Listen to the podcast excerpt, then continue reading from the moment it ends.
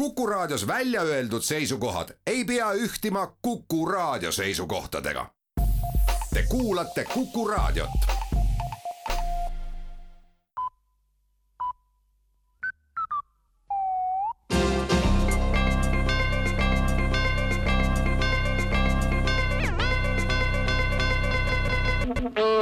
uudised on eetris ja stuudios Rohke Debelak valitsus annab teada, et lisaks erakondade rahastamise senisest põhjalikumale uurimisele tuleb luubi alla võtta teinegi rahastamine ja see on riigi elanikkonna rahastamine.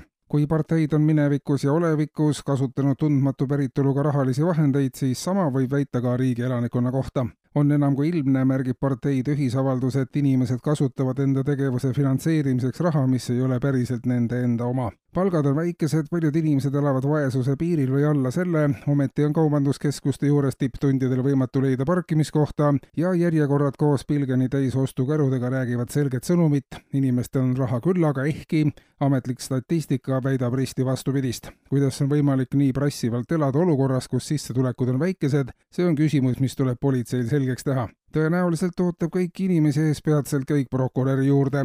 parteisid ja rahvast tuleb kohelda võrdselt ja ühtesid automaatselt ausamaks pidada kui teisi pole õiglane, teatavad erakonnad majandusministeerium annab aga teada, et universaalteenust on vara maha kanda ja teenus vajab uuendamist, mitmekesistamist ja tõenäoliselt ei ole ka vaja teha viimati mainitut, vaid teenus tuleb lihtsalt ümber nimetada sisule vastavaks. Jalgratast ei ole vaja leiutada, vanarahval on selliste lahenduste jaoks ammu olemas mitmeid täpseid nimetusi, märgib ministeeriumi pressiteade alates homsest kannab universaalteenus nime Hobuse unenägu. mitme mainekujundusbüroo sõnul on tegemist nimega, mis universaalteenuse olemuse kokku võtab ja teeb hobuse unenäost inimestele arusaadava ja ka head tuju loova lahenduse kinnisvaraettevõtete Liit aga annab oma turuülevaates teada, et ka jaanuarikuus jätkus kinnisvaraturu kiratsemine. tooni annavad tehingute vähesus ja langevad hinnad. Ka veebruari on langus ja hangunud meeleolud sisse kirjutatud, sest kestavad eraisikute kapitali ümberpaigutused. turu-uuringud on välja toonud tõsiasja,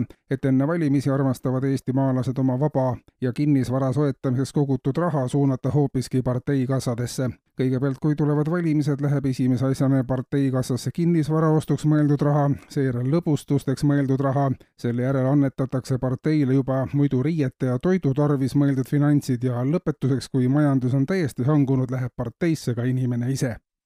Siseministeerium annab aga teada, et Narva tank viiakse oma vanale kohale tagasi otsuseni viis siseministri ohuhinnang ja vajadus sellele reageerida. Narva tanki teisaldustööd algavad täna keskpäeval, tank jõuab oma vanale kohale tagasi homme õhtuks ja uuesti viiakse tank sõjamuuseumi tagasi kuuenda märtsi hommikul.